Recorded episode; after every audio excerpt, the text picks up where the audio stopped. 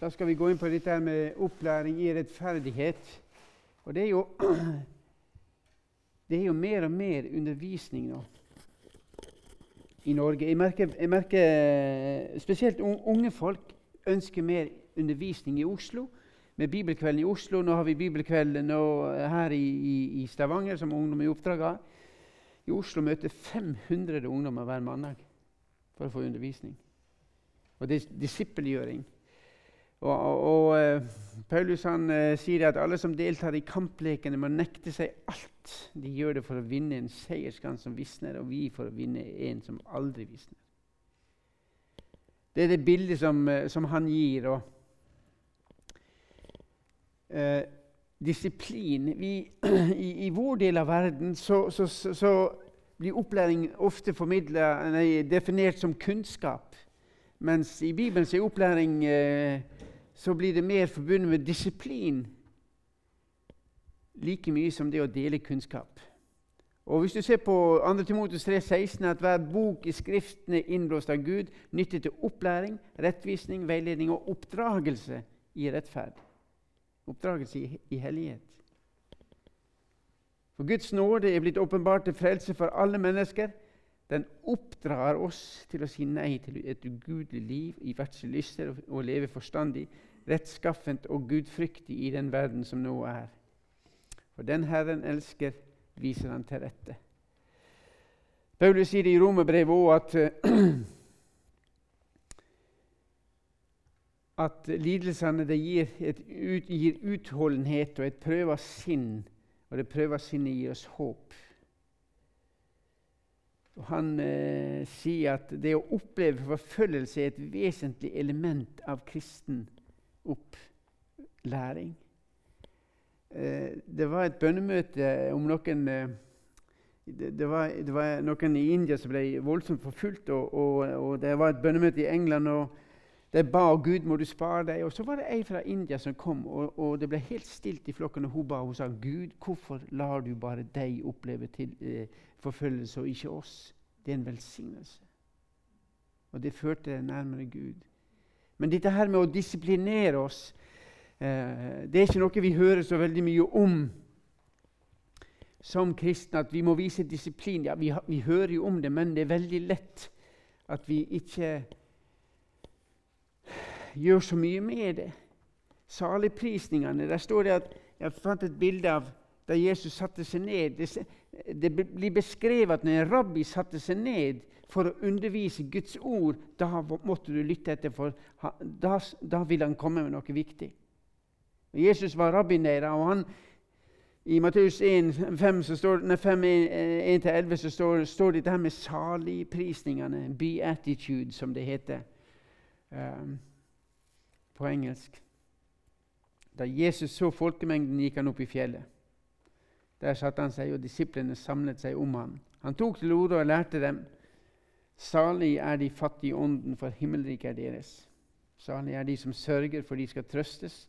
Salig er de ydmyke, for de skal arve jorden. Og salig er de hungrige, tørst, de som, hung, som, hungrer og tørster etter rettferdigheten, for de skal mettes.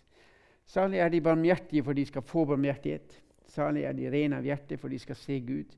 Salig er de som skaper fred, for de skal kalles Guds barn. Og salig er de som blir forfulgt for rettferds skyld, for himmelriket er deres. Ja, salig er dere når de for min skyld håner og forfølger dere, lyver og snakker ondt om dere. På alle vis, gled og fry dere, for stor er lønnen dere har i himmelen. Slik forfulgte de også profetene før dere. Som dere så, så er det en blå skrift og en rød skrift her. Den blå skrifta snakker om å utvikle ei tjenerånd og den røde skrifta snakker om en tjeneratferd. Utviklinga av tjenerånd er å fattig i sin, ånd. sin ånd. Eh, sørgende, ydmyk og hungre etter rettferdighet. Eh, og så får du da det som Når det indre blir påvirka, så vil det ha en funksjon utad, og det vil bli noe som preger oss. hvis Gud får lov å prege det indre livet. Av og til eh, Veldig mange religioner er slik laga at det er de ytre handlingene. Muslimene skal be fem ganger daglig. Eh, buddhistene hvor mange, eh, hvor mange guder har det, Det er snakk om millioner, men det handler om ytre ting, slik at det indre skal bli forvandla. Mens kristendommen så er det snakk om at det indre, indre forvandlinga skal skape forandringer i det ytre. Og det, det er bare Den hellige ånden og Gud og Jesus Kristus som kan jobbe på det indre plan i et menneske. Salig er de som er fattige i seg sjøl. Det er den første bønnen. Salig det er et av de ordene eh, som betyr lykkelig. Den største form for lykke, makarios. Eh, er et av de ordene. Altså En mann som heter Makarios, eh, det var en, eh, prest, eh, en biskop i den ortodokse kirke, biskop Makarios, var en som sa det. Han het Lykke, men så, han så ikke så lykkelig ut når du så han, sa han. Men salig de som er fattige i seg sjøl, for himmelriket deres. Hvordan fattig da? Altså, jeg tror Eller det det, det det handler om, er å se hvem er vi Jesus beskriver eh, Han snakker om den tjeneren som skyldte penger til kongen. Husker dere? Han skyldte 10 000, 10 000 eh, talent. Og så var det han som da skyldte han igjen 100 talent. Ved, ved å fortelle den historien økonomisk en, altså en talent er 6000 denarer. En, en denar er dagslønn. 10 000 talent er 60 millioner denarer. Den mannen han sier det I lignelsen så sier den mannen som skylder det, 'Gi meg litt tid, så skal jeg betale tilbake', sier han. Det var umulig for han å betale tilbake. Det er nesten utrolig at han sier det, fordi Hvis han skulle betale tilbake med ei dagslønn per dag, så ville han ha jobba 164 000 år. Men jeg tror Jesus vil fortelle deg og meg hvor fattige vi er uten Gud. Og fremfor Gud så har vi ingenting å komme med. Og Gud får kongen får miskunn, han syns synd på ham, så ettergir han alt. Og jeg tror av og, til, av og til, Det er ikke ofte, men noen ganger jeg har opplevd å få lov å se hvem jeg er. Og Jeg glemmer aldri en gang så datt jeg bare på kne og så begynte jeg å gråte. Uten deg, Gud så har jeg ingenting. Jeg har absolutt ingenting. Og Gud han trenger å få oss dit. Vi trenger å få lov å få et glimt av det. fordi at I deg sjøl har du ingenting, men i Gud har du, har du alt.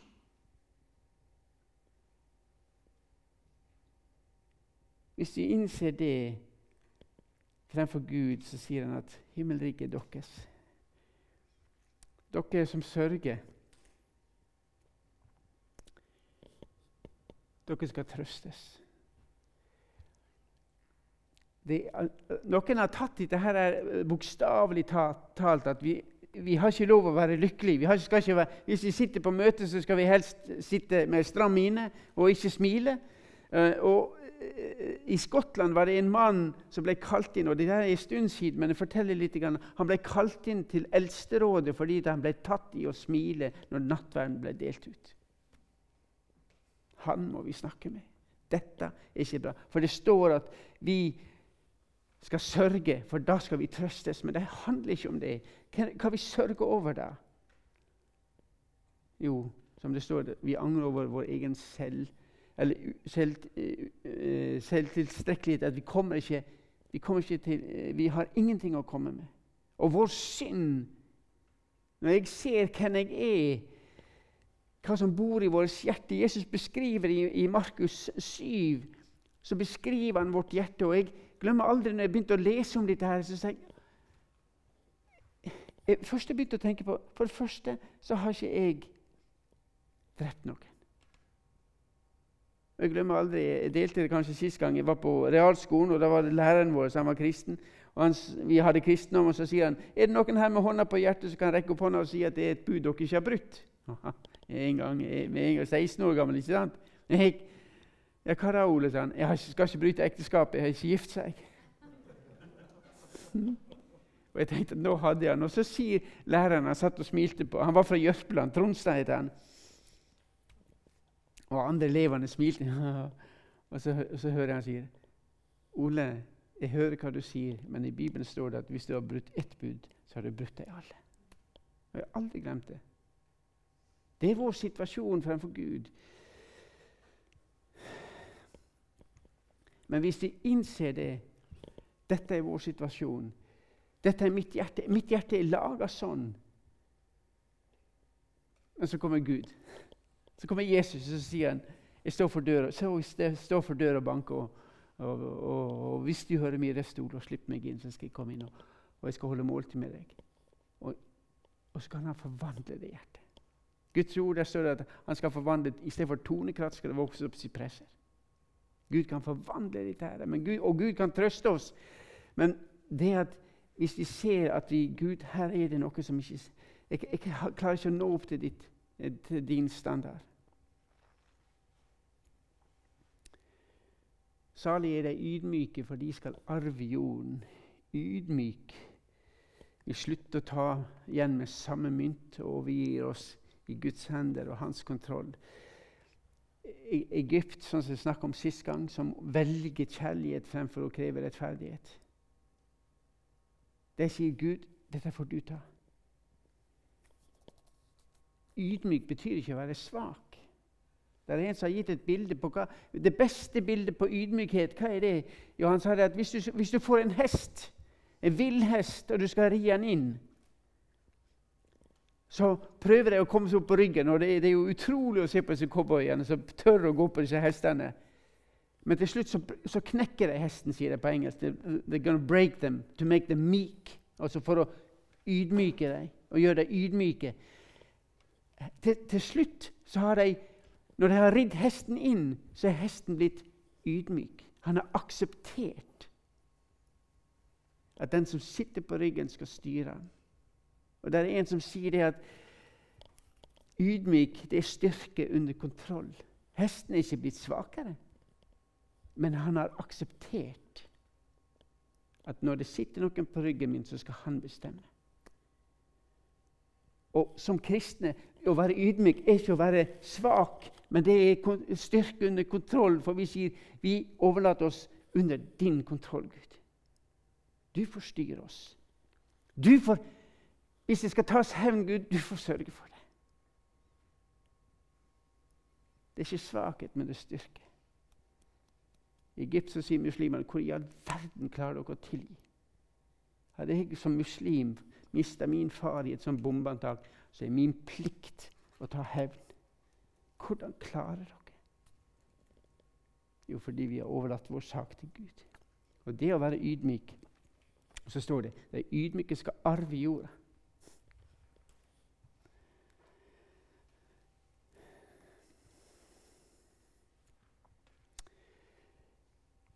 Og det som jeg nevnte i stad Istedenfor å gå og protestere og demonstrere, så overlater vi vår sak til Gud. Vi behøver ikke gå til regjeringa og spørre. Men Gud, vi løfter opp fremfor deg. Gud, må du gripe inn. Og det er å være ydmyk og overlate alt til Gud. Salig er de som tørster, hungrer og tørster etter rettferdigheten, for de skal mettes. Det er en som er som skriver at omskrevet så blir det at 'velsigne de som lengter etter rettferdigheten'. Som en utsulta person som roper etter mat, og, for, og, som en som lengter etter vann, for de skal bli i, i sannhet mettes. Og jeg, når jeg jobba med dette, her, så tenkte jeg hva er rettferdigheten her? Hva, hva er det som menes her? Min rettferdighet er skjult i Jesus, ja. Men det å hungre etter et hellig liv Har, har, vi hunger etter å, å, å, å, bli lik Jesus og ha fått hellig liv? For det står det hvis vi har en hunger etter det, så skal vi mettes. Og vi får bli mette etter den hungeren vi har. Hvis Jesus eller Gud ser at det er en som lengter Gud, er lengter etter å bli slik som Jesus og Gud sier 'Jeg skal mette dere'.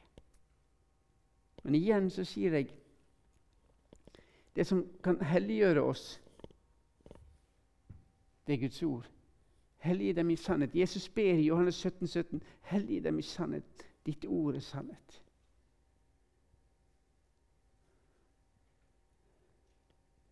Og, og har vi en hunger etter den helligheten, etter den rettferdigheten Og vi vil bli mette etter det vi lengter etter. Hellighet på jorden, her på jorden, lykken etterpå i himmelen. Det er noen som ønsker lykke her på jorden og hellighet etterpå. At vi skal bli hellige der. Men Gud sier hellighet her på jorden og skal få lykke senere. Og Jeg syns det er et godt uttrykk, og det er nok mye sant i det.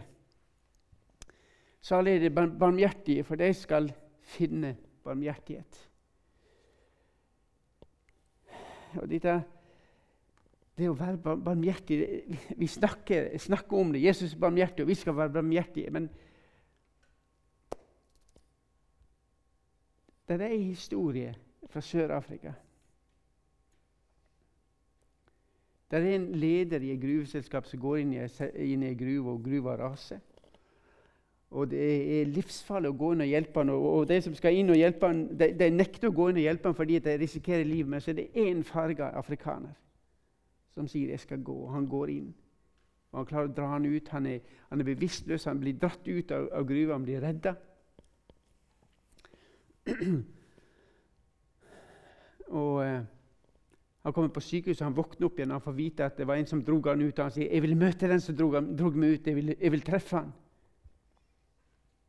Og De får tak i den afrikaneren. Han kommer inn på rommet. og Når han hvite lederen oppdager at det er en svart en som har redda han, så nekter han å gi han handa. Han snur seg vekk, og han vil ikke se på han. Så sier den som forteller historien Hvis den mannen blir fanga en gang til i en sånn felle, og den mørke mannen får en sjanse til å redde han en gang til Og hvis han da går inn og gjør det, da viser han barmhjertighet. Det er et utrolig bilde på barmhjertighet. Men det er det Jesus snakker om, det å vise barmhjertighet.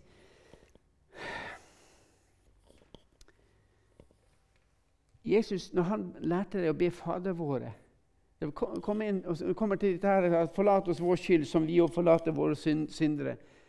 skyldnere. Og Det var en god venn av meg som ikke er kristen. Han kom bort og sa han, når vi ber Fader vår, vi ber i grunnen feil her, sa han. Vi skulle egentlig forlate våre skyldnere slik som Gud forlater, sa han.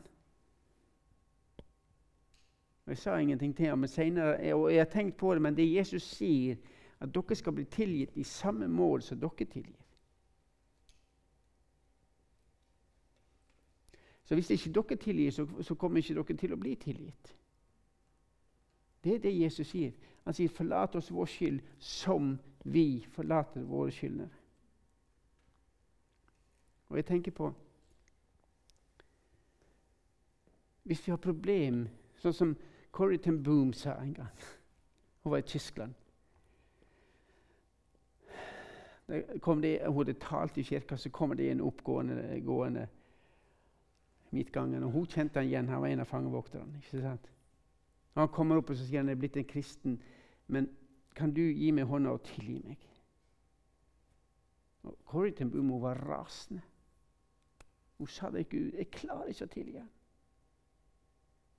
Og så sier hun, og da oppdaga jeg at det var på feil side. For hun kom på det som står i Fader vår. Og Hun sa det til Gud. 'Jeg klarer ikke Gud.' Men så sier Gud, 'Ja, men er du villig til å gi en hånda?' Det er et YouTube-klipp på dette her. eh, som jeg har sett på. Og så sier hun Jeg ga han hånda, og så fikk jeg tilgivelsens gave, sa hun. Og Når hun forteller dette på møtet, så, så, så, så hører du det bli helt stilt i salen. Og så hører du hun smile, og så sier hun Så peker hun på salen. Klarer dere å tilgi? Og så rister hun på hodet, og så smiler hun, og så sier hun ikke jeg heller. Men Jesus kan, sa Og derfor kan du og jeg òg. Det å vise barmhjertighet Vi skal finne barmhjertighet, men vi må bli lik Han. Og Dette er den historien med samaritaneren. Jesus, Den historien til samaritaneren er helt utrolig. Han som går ned den veien og bli, og for, for å, som blir angrepet, som Jesus beskriver. Han går ned på veien ned til Jeriko. Og Hvorfor går han? Han var en jøde. Jo, fordi han går ned til Jeriko og han går, følger dalen, Jordandalen oppover, og så får han slippe å gå innom Samaria. For samaritanerne, jødene, vil ikke ha noe med dem å gjøre. Og Den samaritanen som da kommer og finner den mannen Først kommer det to jøder, ikke sant, det prester, og det går rett forbi. Og det var En som sa det at hvorfor går presten forbi? Jo, han skulle jo på, på, jobb. Og hvis han gikk bort til han som lå der, så ble han urein, så kunne ikke han gå på jobben sin. Så han velger Gud har gitt meg viktig tjeneste i kirka. Jeg kan ikke bli urein, så jeg går forbi. Men så kommer samaritanen. Han visste at det var en jøde. ikke sant? Jesus alle forsto at det var en jøde som lå der, men samaritan går bort og hjelper han. Og Han tar han med til et herberge, og så sier han til han at, at hvis det koster mer, så skal jeg betale mer til deg når han kommer tilbake. Og faktum er at den samaritanen sikkert visste at den jøden ville ikke snakke med han når han kom tilbake. Men han sa når jeg kommer tilbake, hvis det koster mer, så skal jeg betale mer. Det er barmhjertighet. Og jeg tror Det, det er et utrolig bilde på Gud sier dere, Vil dere bli slik? Vil dere lengte etter det? Men igjen, vi kan bli slik bare fordi vi skal være sammen med, for vi er sammen med Jesus.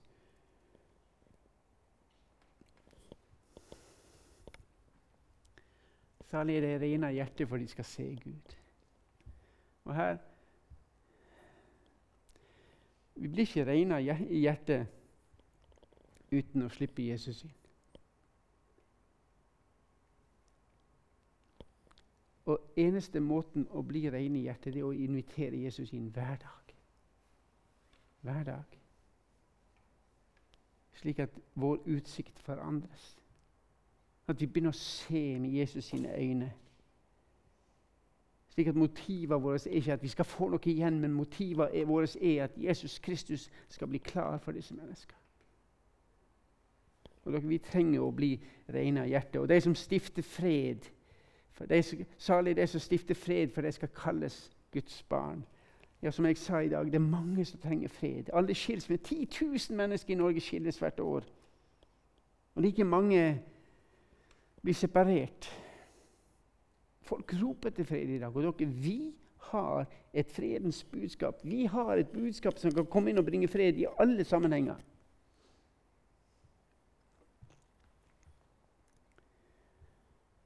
Men gjør vi det? Vi har muligheten til å kunne gjøre Men da igjen så blir det at kjenner vi Guds ord, og er vi åpne for Den hellige ånd til å bli leder, da er vi fredsstiftere. Og salig de som blir forfulgt for rettferdighetens skyld, for himmelriket er deres. Altså, vi skulle hungre etter rettferdighet til å begynne med. Og når vi da blir rettferdige, så blir vi forfulgt fordi vi er rettferdige.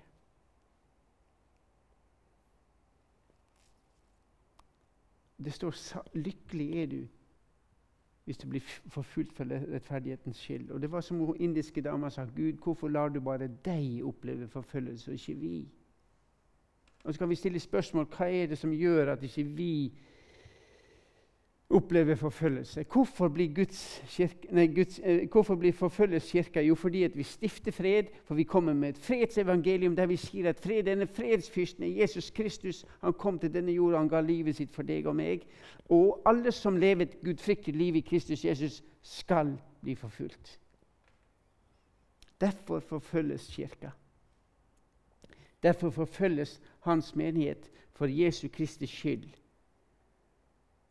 Og det står det at salig er de som blir forfulgt for rettferdighetens skyld, for himmelriket deres. Ja, salig er dere når de for min skyld håner dere, forfølger dere, lyver og snakker ondt om dere. På alle vis. Og gled og fry dere, for stor er lønnen dere har i himmelen. Slik forfulgte profetene også før dere.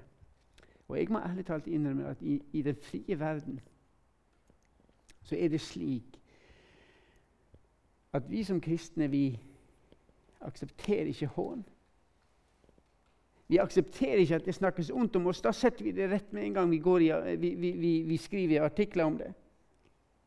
Og vi aksepterer ikke urettferdighet. Men det står det vi burde gjøre det. Vi burde ikke være det første som skriver i avisene at 'dette er ikke rettferdig'.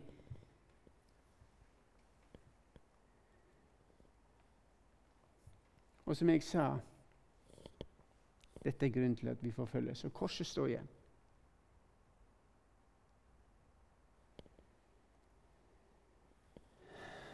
Og Jesus har sagt at det handler om å bli forvandla i det indre, slik at vårt ytre blir prega. Men forfølgende av det at vi, vi, kommer til å bli forfulgt.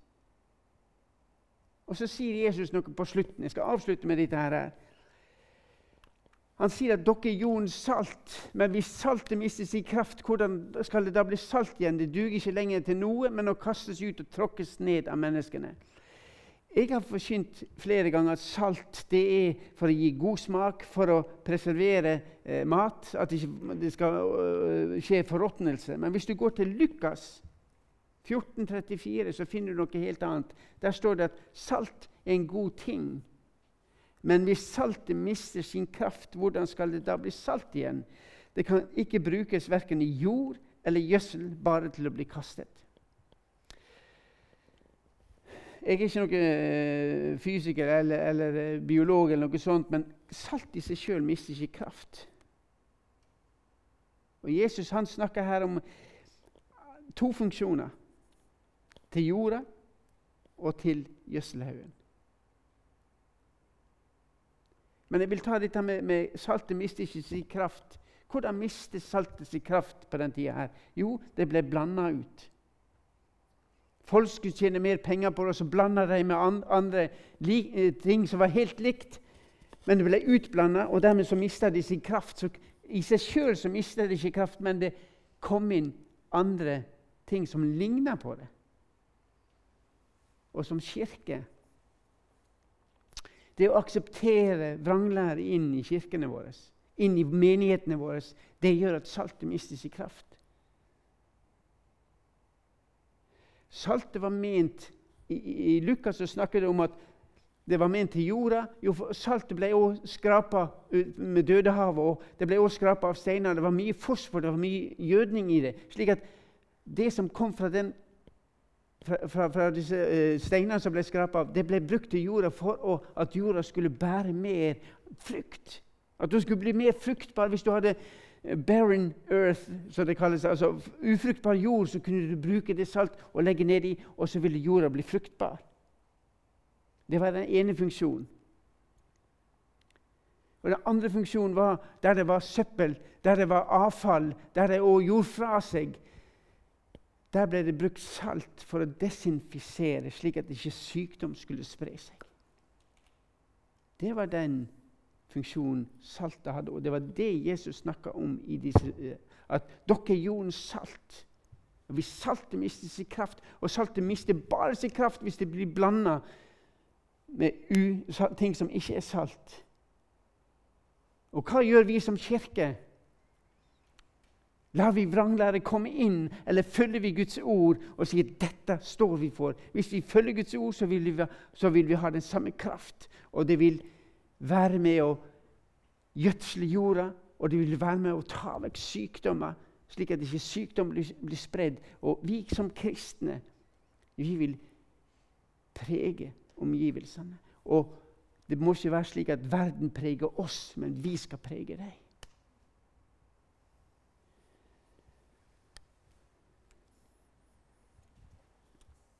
Og For meg så blir dette bildet på salt det blir i Lukas 4 det blir på en helt annen måte enn at, enn at vi som kristne kan bli i en bedre smak og vi skal spare forråtnelse. Ja, det òg. Det ble brukt til det òg. Men vi skal være med å ta vekk sykdommer, slik at det ikke sprer. Og vi skal gjødsle jorda slik at det begynner å vokse nye, nye ting opp. Det var det jeg hadde tenkt å dele med dere. Og jeg har på slutten så har jeg satt opp disse spørsmålene til dere. Og det kan stå litt. Uh, hvilken av den er den enkleste saligprisningen for deg å leve ut, og hvilken er den vanskeligste? Og Jeg har fått lov å jobbe med dette her noen dager nå. og dere, det, å, det å gå inn i Guds ord uh, Jeg er utrolig heldig. Jeg, får, jeg blir betalt for å gjøre det. Men dere, jeg anbefaler det. Ikke ta så mye, men, men, gå inn og si hva betyr dette? Og så sier du Hellige må du åpenbare dette for meg. Og Det fantastiske med Guds ord det er at det er alltid nye ting. Alltid. Jeg takker deg, Herre Far, for at vi kan få lov å legge oss i dine hender. Og far, alt det du har lagt frem for oss i, i, i salighetsprisningene, vil du La oss som troende her i Norge få lov å bli lik det, Herre Jesus. Og vi ber, vil vi hjelpe oss til å slippe deg inn, slik at du får arbeid i livet vårt, slik at ditt ord får lov å arbeide i livet vårt, slik at resultatet blir en menighet som lever for deg. En menighet som du får leve gjennom den menigheten, og vi far, får lov å være et bilde av deg. Slik at vi kan få lov å prege verden, og vi kan få lov å Fjerne alt det som tar mennesker vekk ifra deg. Gud, vi ber, la din menighet bli en sånn menighet. Og jeg ber, å Gud, la meg få lov å ha disse kvalitetene i mitt liv. Vil du hjelpe meg til å slippe deg til, slik at det blir en del av mine, mitt liv òg. I Jesu navn. Amen.